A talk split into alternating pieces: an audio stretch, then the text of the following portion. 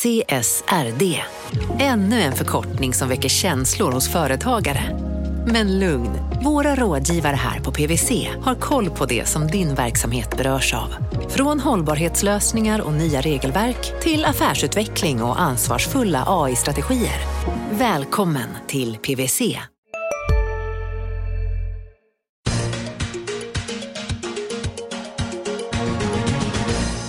Hej och välkommen till Makrorådet, dagens industrispodd om de stora ekonomiska frågorna. Jag heter Viktor Munkhammar och som återkommande lyssnare vet brukar jag med mig två ekonomer i studion. Så är det inte idag. Det är istället premiär för Makrorådet special och ensam gäst idag är ingen mindre än vice riksbankschef Martin Flodén. Välkommen hit! Tack så mycket! Jag tänkte att vi skulle börja med om du bara väldigt kort vill ge din syn på det ekonomiska läget just nu. Det har ju varit en ganska stökig start på året. Ja, det, det var ju det. En väldigt stökig start får man säga på, på vissa sätt i varje fall. Och det, det gäller väl kanske mest att det var en oro egentligen. Eh, sen har det väl visat sig att eh, det, det har lugnat ner sig. Det var ju mycket på finansmarknaderna kopplat till den internationella utvecklingen. Sen har inte det riktigt liksom biter sig fast i, eh, i några utfall tycker jag. Nej, så din syn är egentligen ganska oförändrad mot hur den var innan året började? Eller? Ja, det, det är klart. Alla har ju reviderat ner sina prognoser lite grann i varje fall. Men, men i det stora hela så tycker jag nog att eh, bilden står sig. Ja. Eh, I Sverige eh, är vi ju mitt i en väldigt intensiv avtalsrörelse. Vi har just uh, fått de första avtalen, eh, 2,2 procent i industriuppgörelsen, det som tidigare var ett märke för hela uh, avtalsrörelsen. Uh, väldigt kort, hur, hur, ser du på de här, det här utfallet, 2,2? Vi vet ju inte riktigt vad det kommer betyda för resten av arbetsmarknaden ännu. Men... Nej, men det är ju bra ändå att man har kommit överens om, om någonting. Det, det är en bra start tycker jag på avtalsrörelsen i varje fall. För det har, det har ju varit ovanligt mycket osäkerhet tycker jag i den här Eh, avtalsrörelsen. Och det är ju lite kopplat också till vårt jobb på, på Riksbanken. Det finns lite mer olika syn på vart inflationen är på väg till exempel. Eh, det finns också en diskussion kring industriavtalets framtida roll och så vidare. Så att, att man har kommit överens inom en del utav arbetsmarknaden nu, det är det som sagt bra i varje fall. Hur ser du på att det är ett ettårigt avtal? Jag har ingen riktig uppfattning om, om det. det. det. är klart att för, på många sätt så är det ju bra om man kan komma överens om långa avtal. Det underlättar ju framförallt för arbetsmarknadens parter. Det, det är ett arbete för dem att, att hålla på med de här förhandlingarna. Samtidigt om, om det råder stor osäkerhet om vart ekonomin är på väg och så vidare så är det begripligt också att man inte vill låsa in sig i allt för långa avtal. Många har ju påpekat att det betyder att ni kommer få vara väldigt mycket på tårna igen. Att det blir en ny sån här uppladdning inför avtalsrörelsen. Framförallt i arbetet då med att hålla uppe inflationsförväntningarna och tron på inflationsmålet på 2% Hur tänker du om det? Jag tycker inte det stämmer utan det, är ju någonting som vi alltid måste arbeta med och det är inte så att vi har försökt eh, få upp inflationen just nu till 2 på, på grund av avtalsrörelsen utan Förtroendet för inflationsmålet är, är, alltid viktigt och lönerna sätts ju inte bara i avtalsrörelsen utan det är ju en ständigt pågående process där, där de centrala avtalen är en del. Och det är ju viktigt för oss att det alltid finns eh, ett förtroende för att vi försöker upprätthålla eh, inflationsmålet. På tal om inflationsmålet, en väldigt grundläggande fråga som jag ganska ofta får från läsare. Varför är det så viktigt att vi har en inflationstakt på 2 Ja, det är en fråga som vi också förstås får eh, ganska ofta. Och det finns ju många olika sätt att, att, svara på den frågan och det finns inte heller ett enda skäl skulle jag säga. Och att inflationen ska vara just 2 är i sig kanske inte så väldigt viktigt. Utan det allra viktigaste här det är att man lägger fast ett mål och sen försöker leva upp till det. Och det kan man göra på olika sätt. Det behöver inte vara precis ett inflationsmål. Eh, men, men, nu har ju de flesta länderna i världsekonomin ändå valt att formulera målet för penningpolitiken som ett mål på en specifik nivå och ofta då 2% Det finns ungefär 60 länder som har inflationsmål och nästan alla har 2% eller i vissa fall om det är utvecklingsekonomier ett lite högre mål. Och I grunden handlar det om att pengar har inget självklart inneboende värde utan allting drivs på något sätt av förväntningar av vad köpkraften är och vart priserna är på väg Och har man då olika förväntningar om eh, vad prisnivån kommer att vara i framtiden så blir det ju väldigt svårt för en företagare att sätta priser. Eh, det blir svårt för arbetstagare och arbetsgivare att komma överens i avtalsförhandlingar och så vidare. Så att man får en stökigare och mer problematisk pris och lönebildning om det inte finns ett trovärdigt inflationsmål. Det är, det ett skäl till att vi har ett inflationsmål. Med det resonemanget då skulle man lika gärna kunna ha noll eller minus två så länge alla var överens om det. Finns det något annat skäl till att man vill ha en svagt positiv inflation? Ja, det gör och det. Det är flera skäl som man kan anföra där och det som jag tycker är viktigast det, det handlar ju om att i grunden är det ju, alltså vi på Riksbanken vi sätter ju en nominell styrränta och det är en ränta som består både utav en real komponent, kompensation över tiden, hur man skifflar sparande och konsumtion över tiden och eh, en inflationskomponent. Och det som egentligen spelar roll för eh, hur penningpolitiken påverkar ekonomin, det är inte vår nominella styrränta utan det är den reala styrräntan. Alltså när man justerar bort eh, inflationen från räntan. Och är inflationen då väldigt låg så betyder det att för en given styrränta så blir penningpolitiken mer åtstramande. Och har man då för låg inflation och en ränta som man inte kan sänka hur mycket som helst. Man brukar säga att eh, räntorna kan inte vara lägre än noll. Nu brukar det säga? Jag brukar det i varje fall. Men det, det, går inte att sänka styrräntorna i praktiken hur mycket som helst. Och Det betyder då att i ett, i ett sånt läge när räntorna är nere på sin lägsta nivå och inflationen och inflationsförväntningarna börjar sjunka då blir penningpolitiken mer åtstramande. Och då får vi eh, lägre tillväxt, högre arbetslöshet och så vidare. Så att den centralbanken i det läget inte stimulerar ekonomin så mycket som den skulle önska? Precis. Och det, det, det är ett problem som jag, jag, tycker man ska inte ignorera. Det kan hända i praktiken. Nu, nu har vi fått en lite bättre utveckling i Sverige den senaste tiden. Men backar vi tiden, säg ett år eller ett och ett halvt år, Eh, då hade vi ett mer problematiskt ekonomiskt läge tycker jag. Då var resursutnyttjandet fortfarande tydligt negativt och eh, dessutom såg vi att inflationen var på väg neråt och inflationsförväntningarna också. Då fanns det en ganska påtaglig risk att vi snart skulle hamna i ett sådant läge. Eh, den här, just det här argumentet du använder att ha liksom lite marginal för att kunna agera ifall det behövs eh, återkommer ju ganska mycket i den internationella debatten där man snarast pratar om att kanske höja inflationsmålet om det nu ska förändras från de här 2% som är någon slags norm. Medan i Sverige är det väl snarast tal om att det skulle sänkas, inte från ert håll då, men i den allmänna debatten menar jag. Vad, vad tror du den här skillnaden beror på i hur man diskuterar i den mån man nu ska ändra inflationsmål? Jag, jag, vet inte, men jag har noterat den skillnaden också. Det är kanske framförallt egentligen är en skillnad mellan diskussionen i olika grupper. I den akademiska världen, jag har ju en bakgrund själv i akademiska världen, där pratar man ju framförallt, och även i Sverige, då, om att man kanske borde höja inflationsmålen. Medans folk i allmänhet kanske tycker att ja, väldigt låg ränta, det, det är ett märkligt fenomen. Och vi var ju ganska tidigt ute med att, att verkligen komma ner på, på minusränta eller väldigt låg nivå för räntan. Och det, möjligtvis är det därför diskussionen uppstod här på det sättet och inte i USA till exempel. Och många kanske tycker också att ja, men om cykeln kostar lika mycket som den gjorde för ett år sedan eller mjölken eller vad det nu är. Det är väl bara bra om priserna inte stiger för oss som konsumenter?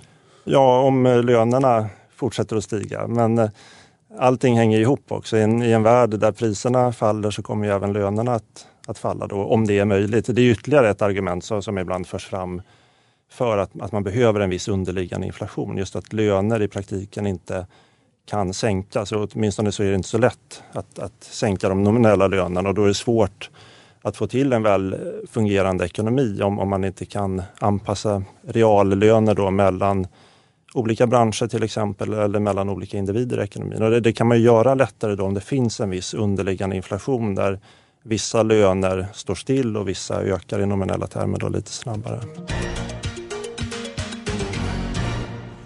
En annan stor fråga som ni och många andra brottas med är om ekonomins liksom grundläggande funktionssätt har förändrats de senaste åren. exempelvis eh, era modeller funkar inte riktigt som de borde. Nu senast ni kom ut med en sån här företagsundersökning som ni gör som visar att företagen borde ha kunnat höja priserna men de har inte kunnat det. Eh, era inflationsprognoser har länge slagit fel. Är det någonting fundamentalt som har, har förändrats i hur dels den svenska men också den internationella ekonomin fungerar? Ja, jag, jag tror nog inte det egentligen. Det, det är klart, ekonomin förändras hela tiden. Så det, den har förändrats, det är självklart, och strukturer i ekonomin förändras. Men jag tror inte att det är något som har hänt speciellt de senaste åren, att, att det har skett en förändring på ett väldigt annat sätt än, än hur saker brukar förändras så att säga. Eh, sen är det ju så att modellerna har aldrig varit väldigt bra på att förklara precis vart vi är på väg. Det, det är inget nytt fenomen eh, egentligen. Så det, det är ändå begripligt att inflationen har blivit låg under de senaste åren i, i grova drag. Eh, det har varit en svag eh, konjunktur, eh, svag efterfrågan, lite grann i Sverige men framförallt i omvärlden. Och, eh, lågkonjunkturen har blivit mer utdragen och kanske lite mer problematisk i, i vissa områden eller betydligt mer problematisk i vissa områden än vad man kunde se framför sig för några år sedan. Så att i den här debatten om sekulär stagnation, alltså att vi skulle vara inne i något skede med permanent för låg efterfrågan i relation till utbudet. Då ställer du dig på den sidan som säger att nja, det handlar det nog inte om utan mer att det är en ovanligt utdragen lågkonjunktur, eller? Ja, alltså sekulär stagnation, folk lägger ju lite olika tolkning i, i det begreppet. Ja, tolk, ge, ge, oss gärna din. En, nej men jag, jag tycker man kan tolka det på flera sätt. Och en tolkning som jag tror var den ursprungliga tolkningen som Larry Summers, det var ju han som började prata om det här i, i modern tid i varje fall, för, för några år sedan. Och han menade väl att vi har kommit till ett läge där just efterfrågan är så pass låg och de här underliggande reala räntorna eh, är väldigt låga och då behöver man för att kunna stimulera ekonomin så måste man sänka styrräntorna. Centralbankerna måste sänka sina styrräntor väldigt mycket. Och det går inte riktigt på grund av att det finns en nedre gräns för, för styrräntorna. Och då fastnar man i någon sorts eh, fälla med, med för stram eh, stabiliseringspolitik. Man kan inte stimulera ekonomin så mycket som som det behövs. Det um, är väl tänkbart att det finns vissa sådana inslag i, i världsekonomin. Jag, jag tycker inte riktigt att vi har sett tecken på att vi har hamnat i en sån fälla så att säga. Men, men det är ju självklart så att vi har sett att realräntorna, de här naturliga eller underliggande räntorna, de är låga och de hade fallit ganska kraftigt även före finanskrisen. Och då kommer man in på den andra delen när det handlar om sekulär stagnation så, som vissa tolkar då som att ja, det, det har hänt något fundamentalt med till, underliggande tillväxt i världsekonomin som inte hänger ihop med lågkonjunktur och finanskris eh, och tiden därefter utan att vi ska räkna med lägre teknologisk innovationstakt och så vidare framöver. Och eh, om vi blir mer pessimistiska om framtiden och tillväxten blir lägre i framtiden, det är ytterligare ett skäl till att räntorna blir låga. Det påverkar sparande och investeringsbeteendet på ett sådant sätt. Och i, i sådana fall så får vi också räkna med lägre tillväxt och det, är ytterligare ett skäl till att centralbanker bland annat behöver sätta låga styrräntor för att eh, de, de underliggande räntorna har fallit. Men det är ju väldigt svårt förstås att veta vart teknologiska utvecklingen är på väg och se en lägre tillväxttakt framöver än vad vi har gjort tidigare. Nu från Riksbanken så är ju vår bedömning, men, men är förstås extremt osäker, att nej, men det finns inga riktiga skäl att tro att tillväxten på lång sikt att den har förändrats. Däremot så, så ser vi framför oss en lång period ändå där det behövs ovanligt låga räntor. Så det handlar mer om en slags utdragen baksmälla efter finanskrisen än att något eh, liksom strukturellt skifte har ägt rum? Jag skulle inte säga att det bara handlar om, om en sorts baksmälla efter finanskrisen, för vi har ju sett också att realräntorna i världsekonomin har fallit väldigt kraftigt och det hade de gjort även före mm. finanskrisen. Eh, men sen är frågan om det är en permanent nedgång eller om det bara är en väldigt utdragen eh, svacka så att säga. Jag tror inte vi ska räkna med att realräntorna kommer tillbaka till de nivåer där de var på 80-talet för då var de väldigt höga i ett historiskt perspektiv. Så en del av nedgången är nog eh, ganska permanent. Men sen är frågan de här faktorerna då som har gjort att realräntorna har sjunkit, ja, hur permanenta är de? Och, och, då pratar man ju dels om demografiska förändringar som, som har gjort att eh, ja, med åldrande befolkningar så behövs det mer sparande inför pension, pensionering och, och så vidare. Um, det beror ju lite på hur arbetsutbudet eh, svarar på de demografiska förändringarna på sikt. Det är ju rimligt att vi kommer att arbeta högre upp i åldrarna framöver och då behöver man inte spara på samma sätt. Det är en faktor. En annan faktor som, som kan ha påverkat det är ju framväxten av nya eh, snabbväxande ekonomier som har blivit viktigare i världsekonomin och som har ett annat sparande och investeringsmönster än de gamla industriländerna. Det, jag tänker framförallt på Kina. Då. Och varför har de ett annat sparande och investeringsmönster? Ja, det beror ju bland annat på att de har väldigt svaga socialförsäkringssystem. Man måste spara väldigt mycket privat eh, Eh, inför sin pensionering till exempel och för sjuk, eh, sjukdomsfall och så vidare. Men ändras socialförsäkringssystemen där så kan ju det mönstret också förändras. Men, men det är ju processer som, som kommer att pågå under lång tid och som inte vänds över natten så att säga. Ja.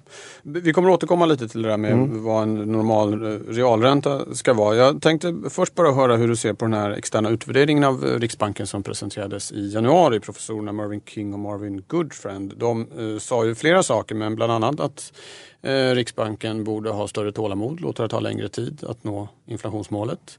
Eh, de tyckte att målvariabeln skulle bytas från KPI till KPIF som då tar bort effekter av eh, ränteförändringar. Och, och de tyckte väl att ni mer eller mindre kunde lägga ner det här med räntebana. Ett mm. litet ett axplock bara av vad de sa. Eh, vad var dina tankar när du läste den här utvärderingen? Är det någonting som du håller med om eller vad tänker du? Ja, alltså de hade ju väldigt många åsikter och de skrev en hel del där, också inte, där jag tycker det var kanske inte helt klart vilken åsikt de hade. Och jag tycker när man ser kommentarer kring den här rapporten så finns det lite spretiga tolkningar också. Vad, vad sa de egentligen? Eh, nu kommer vi från Riksbankens sida att komma med ett remissvar mm. på, på den här utvärderingen om, om, några veckor så jag ska inte föregripa vad vi säger där. Jag, jag tycker också att man ska väl inte riktigt förvänta sig att två personer som granskar Riksbanken i en väldigt bred bemärkelse dessutom att, att de har kommit med, med någon sorts facit. Utan jag ser det ganska mycket som ett diskussionsunderlag. Eh, och det är tydligt att det finns flera viktiga frågor för oss på Riksbanken att fundera kring och där inte vi själva ska fundera på alla de här frågorna ensamma utan där, där det är viktigt att det förs en, en ganska bred debatt eller diskussion tycker jag kring de här frågorna. Och finansutskottet i riksdagen har ju också sagt att, att de förbereder en översyn av, av riksbankslagen och den behöver ju inte vara helt styrd av precis vad, vad som sades i den här rapporten av Goodfriend och King. Eh, så att, eh, jag, jag, tycker det finns många frågor där som är intressanta att tänka vidare på. Det är en hel del som jag håller med om. Eh, Vill du nämna något som du håller med om? Nej, inte, inte idag. I de sekunderna när jag är i luften så är det en kamp på liv och död. I Spotlights serie Vinnarskallarna minns stjärnorna själva de dramatiska svenska sportögonblicken. Hör Anja Persson berätta om när hon kraschade i OS-backen men reste sig igen. Jag ville vinna över berget. Vinnarskallarna. Nytt avsnitt varje fredag. Sök efter podden Spotlight. CSRD. Ännu en förkortning som väcker känslor hos företagare. Men lugn, våra rådgivare här på PWC har koll på det som din verksamhet berörs av. Från hållbarhetslösningar och nya regelverk till affärsutveckling och ansvarsfulla AI-strategier. Välkommen till PWC. Ja, skulle jag säga. Men, men kanske det här med tålamodet kan jag ju nämna då, för, för där eh, håller jag väl inte inte riktigt med om. Du, du, du, som du sa, din tolkning i varje fall var att vi borde ha mer tålamod. Jag tycker vi har väldigt mycket tålamod. Sen har vi hamnat i en speciell situation nu när vi har bedrivit penningpolitiken det, det senaste året och där vi har varit väldigt oroliga för just att inflationsförväntningarna ska falla för snabbt och att vi ska tappa trovärdigheten för inflationsmålet. Och det var en annan sak som de nämnde i, i sin rapport, att de tycker att vi måste fundera på, på trovärdigheten för inflationsmålet och hur man slår vakt om den. Och det, jag tycker inte man behöver tolka det nödvändigtvis som att de säger att vi borde ha mer tålamod idag än, än vad vi har. Det, det kan man nog läsa lite olika tycker jag. En, en, annan vanlig tolkning av den här rapporten var att de är väldigt kritiska till att arbeta med valutainterventioner som ett penningpolitiskt eh, verktyg. Eh, och där reserverade ju du dig faktiskt när direktionen delegerade till Stefan Ingves och Kerstin Fjoknik att de på egen hand kunde intervenera på valutamarknaden. Mm. Delar du, ska man tolka det som att du delar deras syn, eh, eh som den har tolkats i alla fall, att eh, valutainterventioner är ett verktyg man ska vara väldigt försiktig med? Eh, ja, nu tycker jag återigen att det står inte väldigt tydligt i, i den här granskningen. Men, men om, om, man tolkar det som du sa nu så, så delar jag den synen i varje fall. Och det, det, tycker jag att jag varit ganska tydlig med i mina reservationer och när jag uttalat mig på andra sätt också. Att, eh, valutainterventioner är ju ofta ett verktyg som centralbanker använder för, för att påverka växelkursen och gör man det i syfte att, att få en svagare växelkurs och därmed få upp sin inflation så sker ju det på de andra ländernas bekostnad så att säga. Det är så att man, man lånar lite penningpolitik utav de andra eh, centralbankerna. Och det, det påverkar ju andra länder då. då. Då, måste man fundera på, är, är det här eh, motiverat att, att vi bedriver politik på det här sättet om det eh, påverkar de andra länderna på, på ett typiskt sätt, eh, ett sätt som, som är negativt för dem. Det behöver inte alltid vara så. Och det beror ju lite på också vilka förutsättningar det finns att bedriva eller att reagera med penningpolitiken eller, eller annan stabiliseringspolitik i de andra länderna som påverkas. Eh, om det här är motiverat eller inte. Det, jag tycker också att det beror på hur den inhemska valutan är värderad i ett läge när man, när man använder det här verktyget och så vidare. Så jag säger inte att jag utesluter valutainterventioner som ett penningpolitiskt verktyg för Sverige. Men, men som du säger, man får vara väldigt försiktig när man använder ett sådant verktyg. Just det här att eh, olika centralbanker har jobbat med att försöka försvaga sin valuta har ju kallats för ett valutakrig eh, och har dykt upp och ner i debatten de, senaste åren. Eh, det finns ju lite rykten på marknaden om att senaste G20-mötet att man explicit eller implicit ska ha kommit överens om att sluta med det här nu. Kan du kommentera det ryktet? Jag har sett de spekulationerna också. Jag var inte där på det mötet. Så det, jag vet, jag vet ingenting om det helt enkelt. Nej, okay. Eh, din kollega Cecilia Skingsley sa i en intervju med Svenska Dagbladet eh, nyligen på tal om det här med, med eh, tålamod då, att hon tycker att Riksbanken kan ha lite större tolerans eh, både för att kronan stärks mer än ni har räknat med och för att inflationsutfallen inte blir riktigt som ni hade hoppats på och, och räknat med. Eh, vad tänker du om den synen? Du var ju lite inne på att du kanske inte tycker att ni behöver ha mer tålamod, men vad, hur, hur ser du på det i dagsläget? Ja, alltså, jag reserverade mig ju mot det senaste penningpolitiska beslutet när vi sänkte reporäntan och ett av skälen som, som jag anförde då och som jag också anförde när, när jag reserverade mig mot eh, valutainterventionerna är ju att det går ganska bra för svensk ekonomi och att den väldigt expansiva penningpolitiken som vi har bedrivit det senaste dryga året har fått genomslag. Så att inflationen nu är ju på väg uppåt. Eh, inflationsförväntningarna har också vänt uppåt lite grann och konjunkturen går väldigt starkt. Så att, eh, precis som Cecilia sa så har jag också sagt och säger nu att det finns ett större utrymme nu för, för tillfälliga bakslag för inflationsutvecklingen utan att vi behöver bli lika nervösa som för ett, ett och ett halvt år sedan. Ehm, om konjunkturen fortsätter att vara så här stark så tyder allting på att inflationen kommer att gradvis röra sig mot 2% och vårt inflationsmål den närmaste tiden. Sen kan det här ta lite längre tid, eh, det kan bli en lite ryckig resa och så vidare. Men i ett starkt konjunkturläge så finns det större utrymme att inte reagera lika snabbt eh, med penningpolitiken, absolut.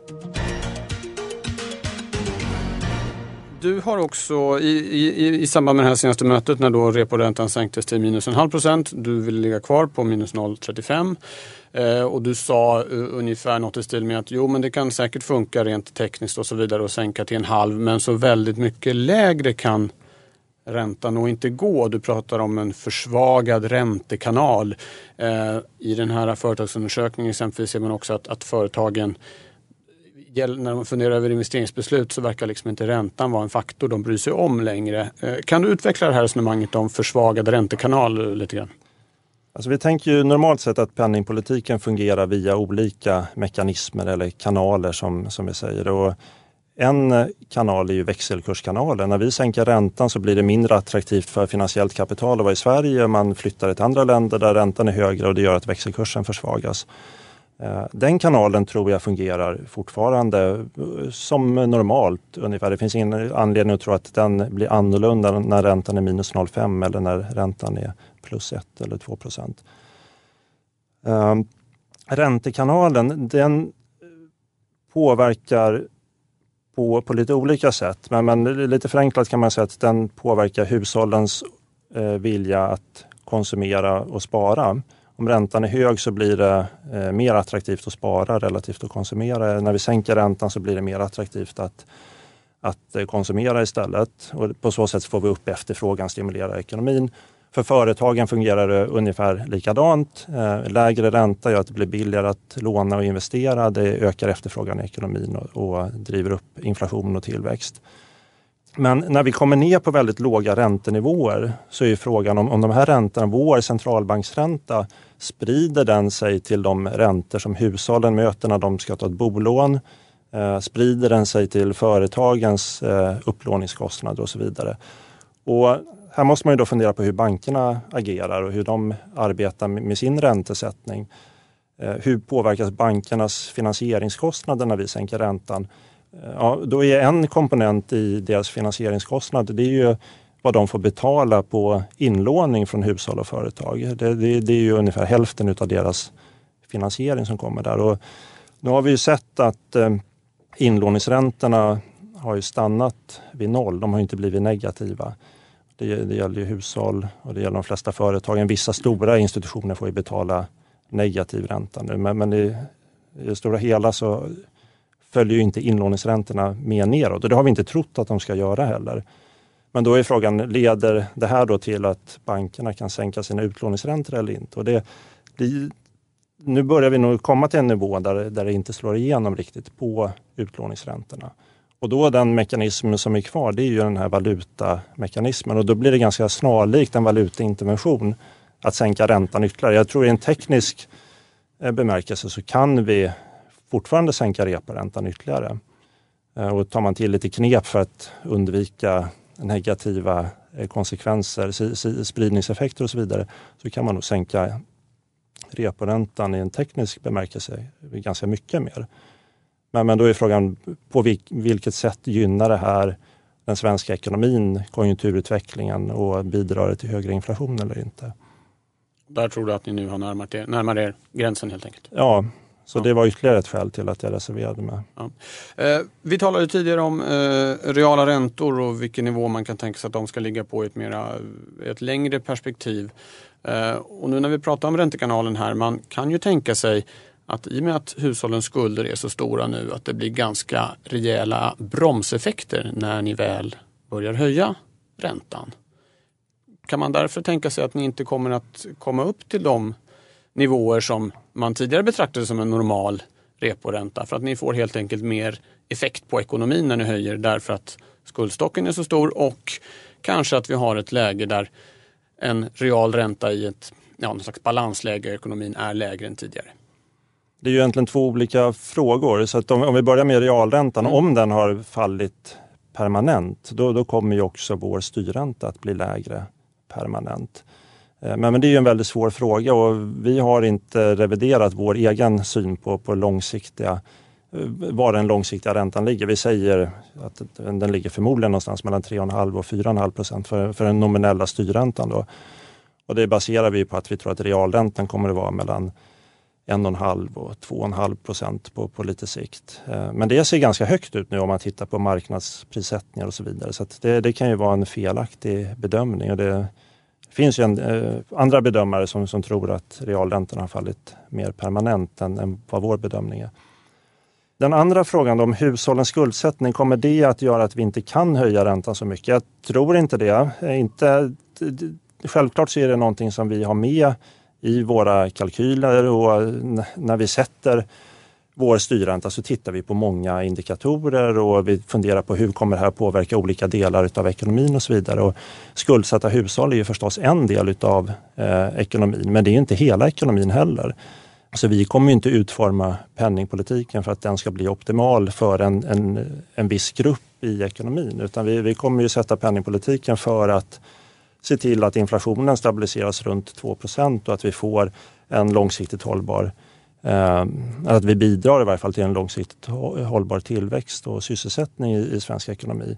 Och I vissa lägen kan det innebära att det blir väldigt stora negativa konsekvenser för vissa grupper i ekonomin.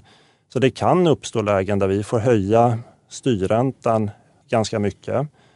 Eh, mer, än, säg, mer än i vår prognos, trots att vi ser att det drabbar skuldsatta hushåll allt för mycket. Det, det kan uppstå sådana lägen. Det, det, kan vi inte utesluta och det är ju en av anledningarna till också att vi varnar för hushållens eh, höga skuldsättning. Det är ett stabilitetsproblem. Och på tal om det, eh, vi har ju nästan ett decennium bakom oss nu med på många håll av alla, vad som tidigare betraktats som extrem penningpolitik och många pekar på att det håller på att byggas upp risker. Vad ser du som eh, de stora riskerna med de här, det här vi har sett i alla fall en, ja, åtta år nu med väldigt dramatisk penningpolitik och då talar jag globalt. Alltså, en risk är ju att olika aktörer i ekonomin vänjer sig vid onormala räntenivåer. Och då i, i det här läget som vi befinner oss i handlar det ju förstås om allt för låga räntor och att, att man inte är förberedd när räntorna sen måste höjas. En annan risk är ju också att inflationen blir låg under allt för lång tid. För många har ju ställt sig in på att inflationen kommer att vara ungefär 2% och kanske inrättat sitt beteende efter en inflation som, som är kring 2% I Sverige och de flesta andra eh, utvecklade ekonomierna så har vi fått en, under 90-talet och första decenniet av, av det här millenniet så har ju trovärdigheten för penningpolitiken och inflationsmålspolitiken som den har utformats på olika ställen blivit allt starkare, fram till finanskrisen i varje fall.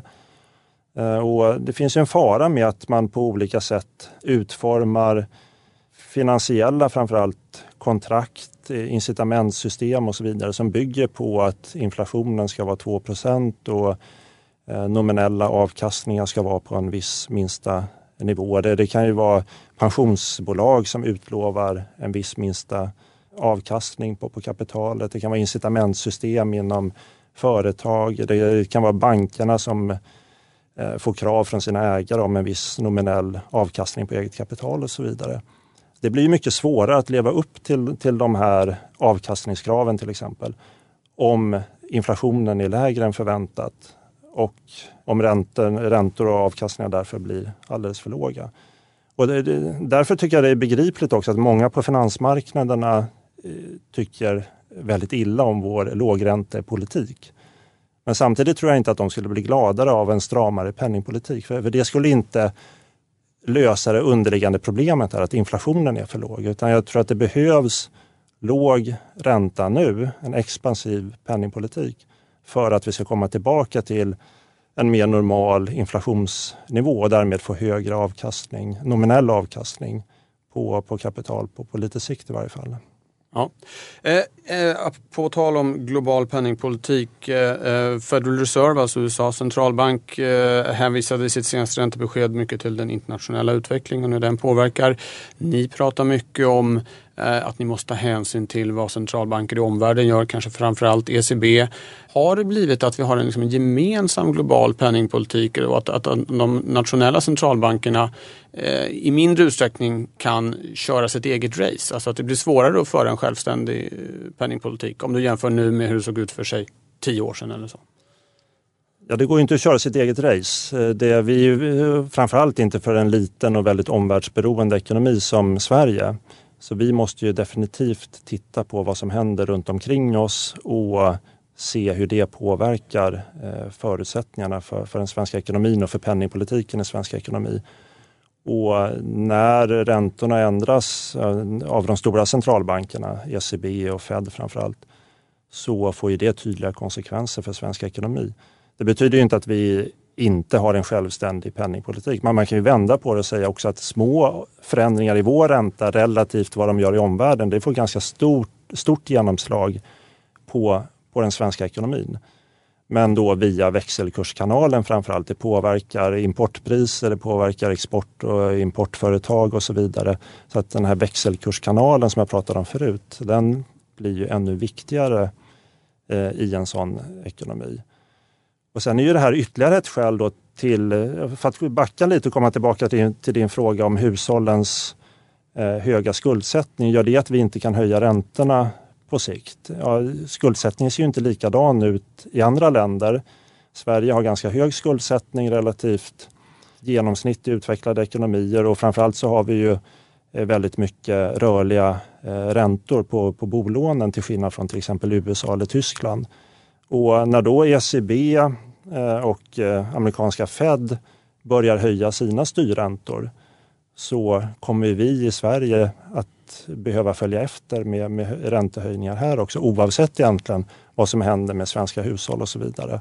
Så att det är ju ett exempel på en utveckling där vi från Riksbankens sida inte kommer att kunna föra en penningpolitik som är helt inriktad på de skuldsatta hushållen och deras utveckling.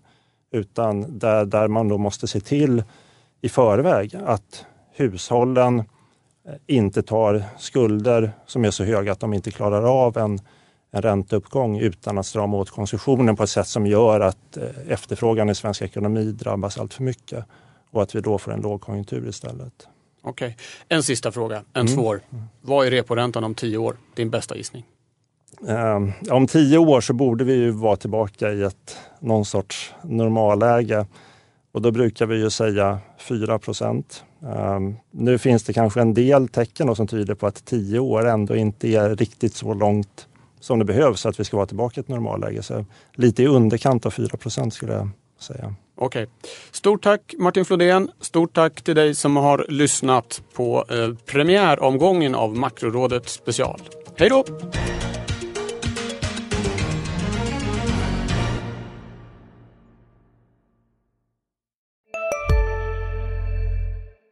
Var du än är och vad du än gör så kan din dag alldeles strax bli lite hetare.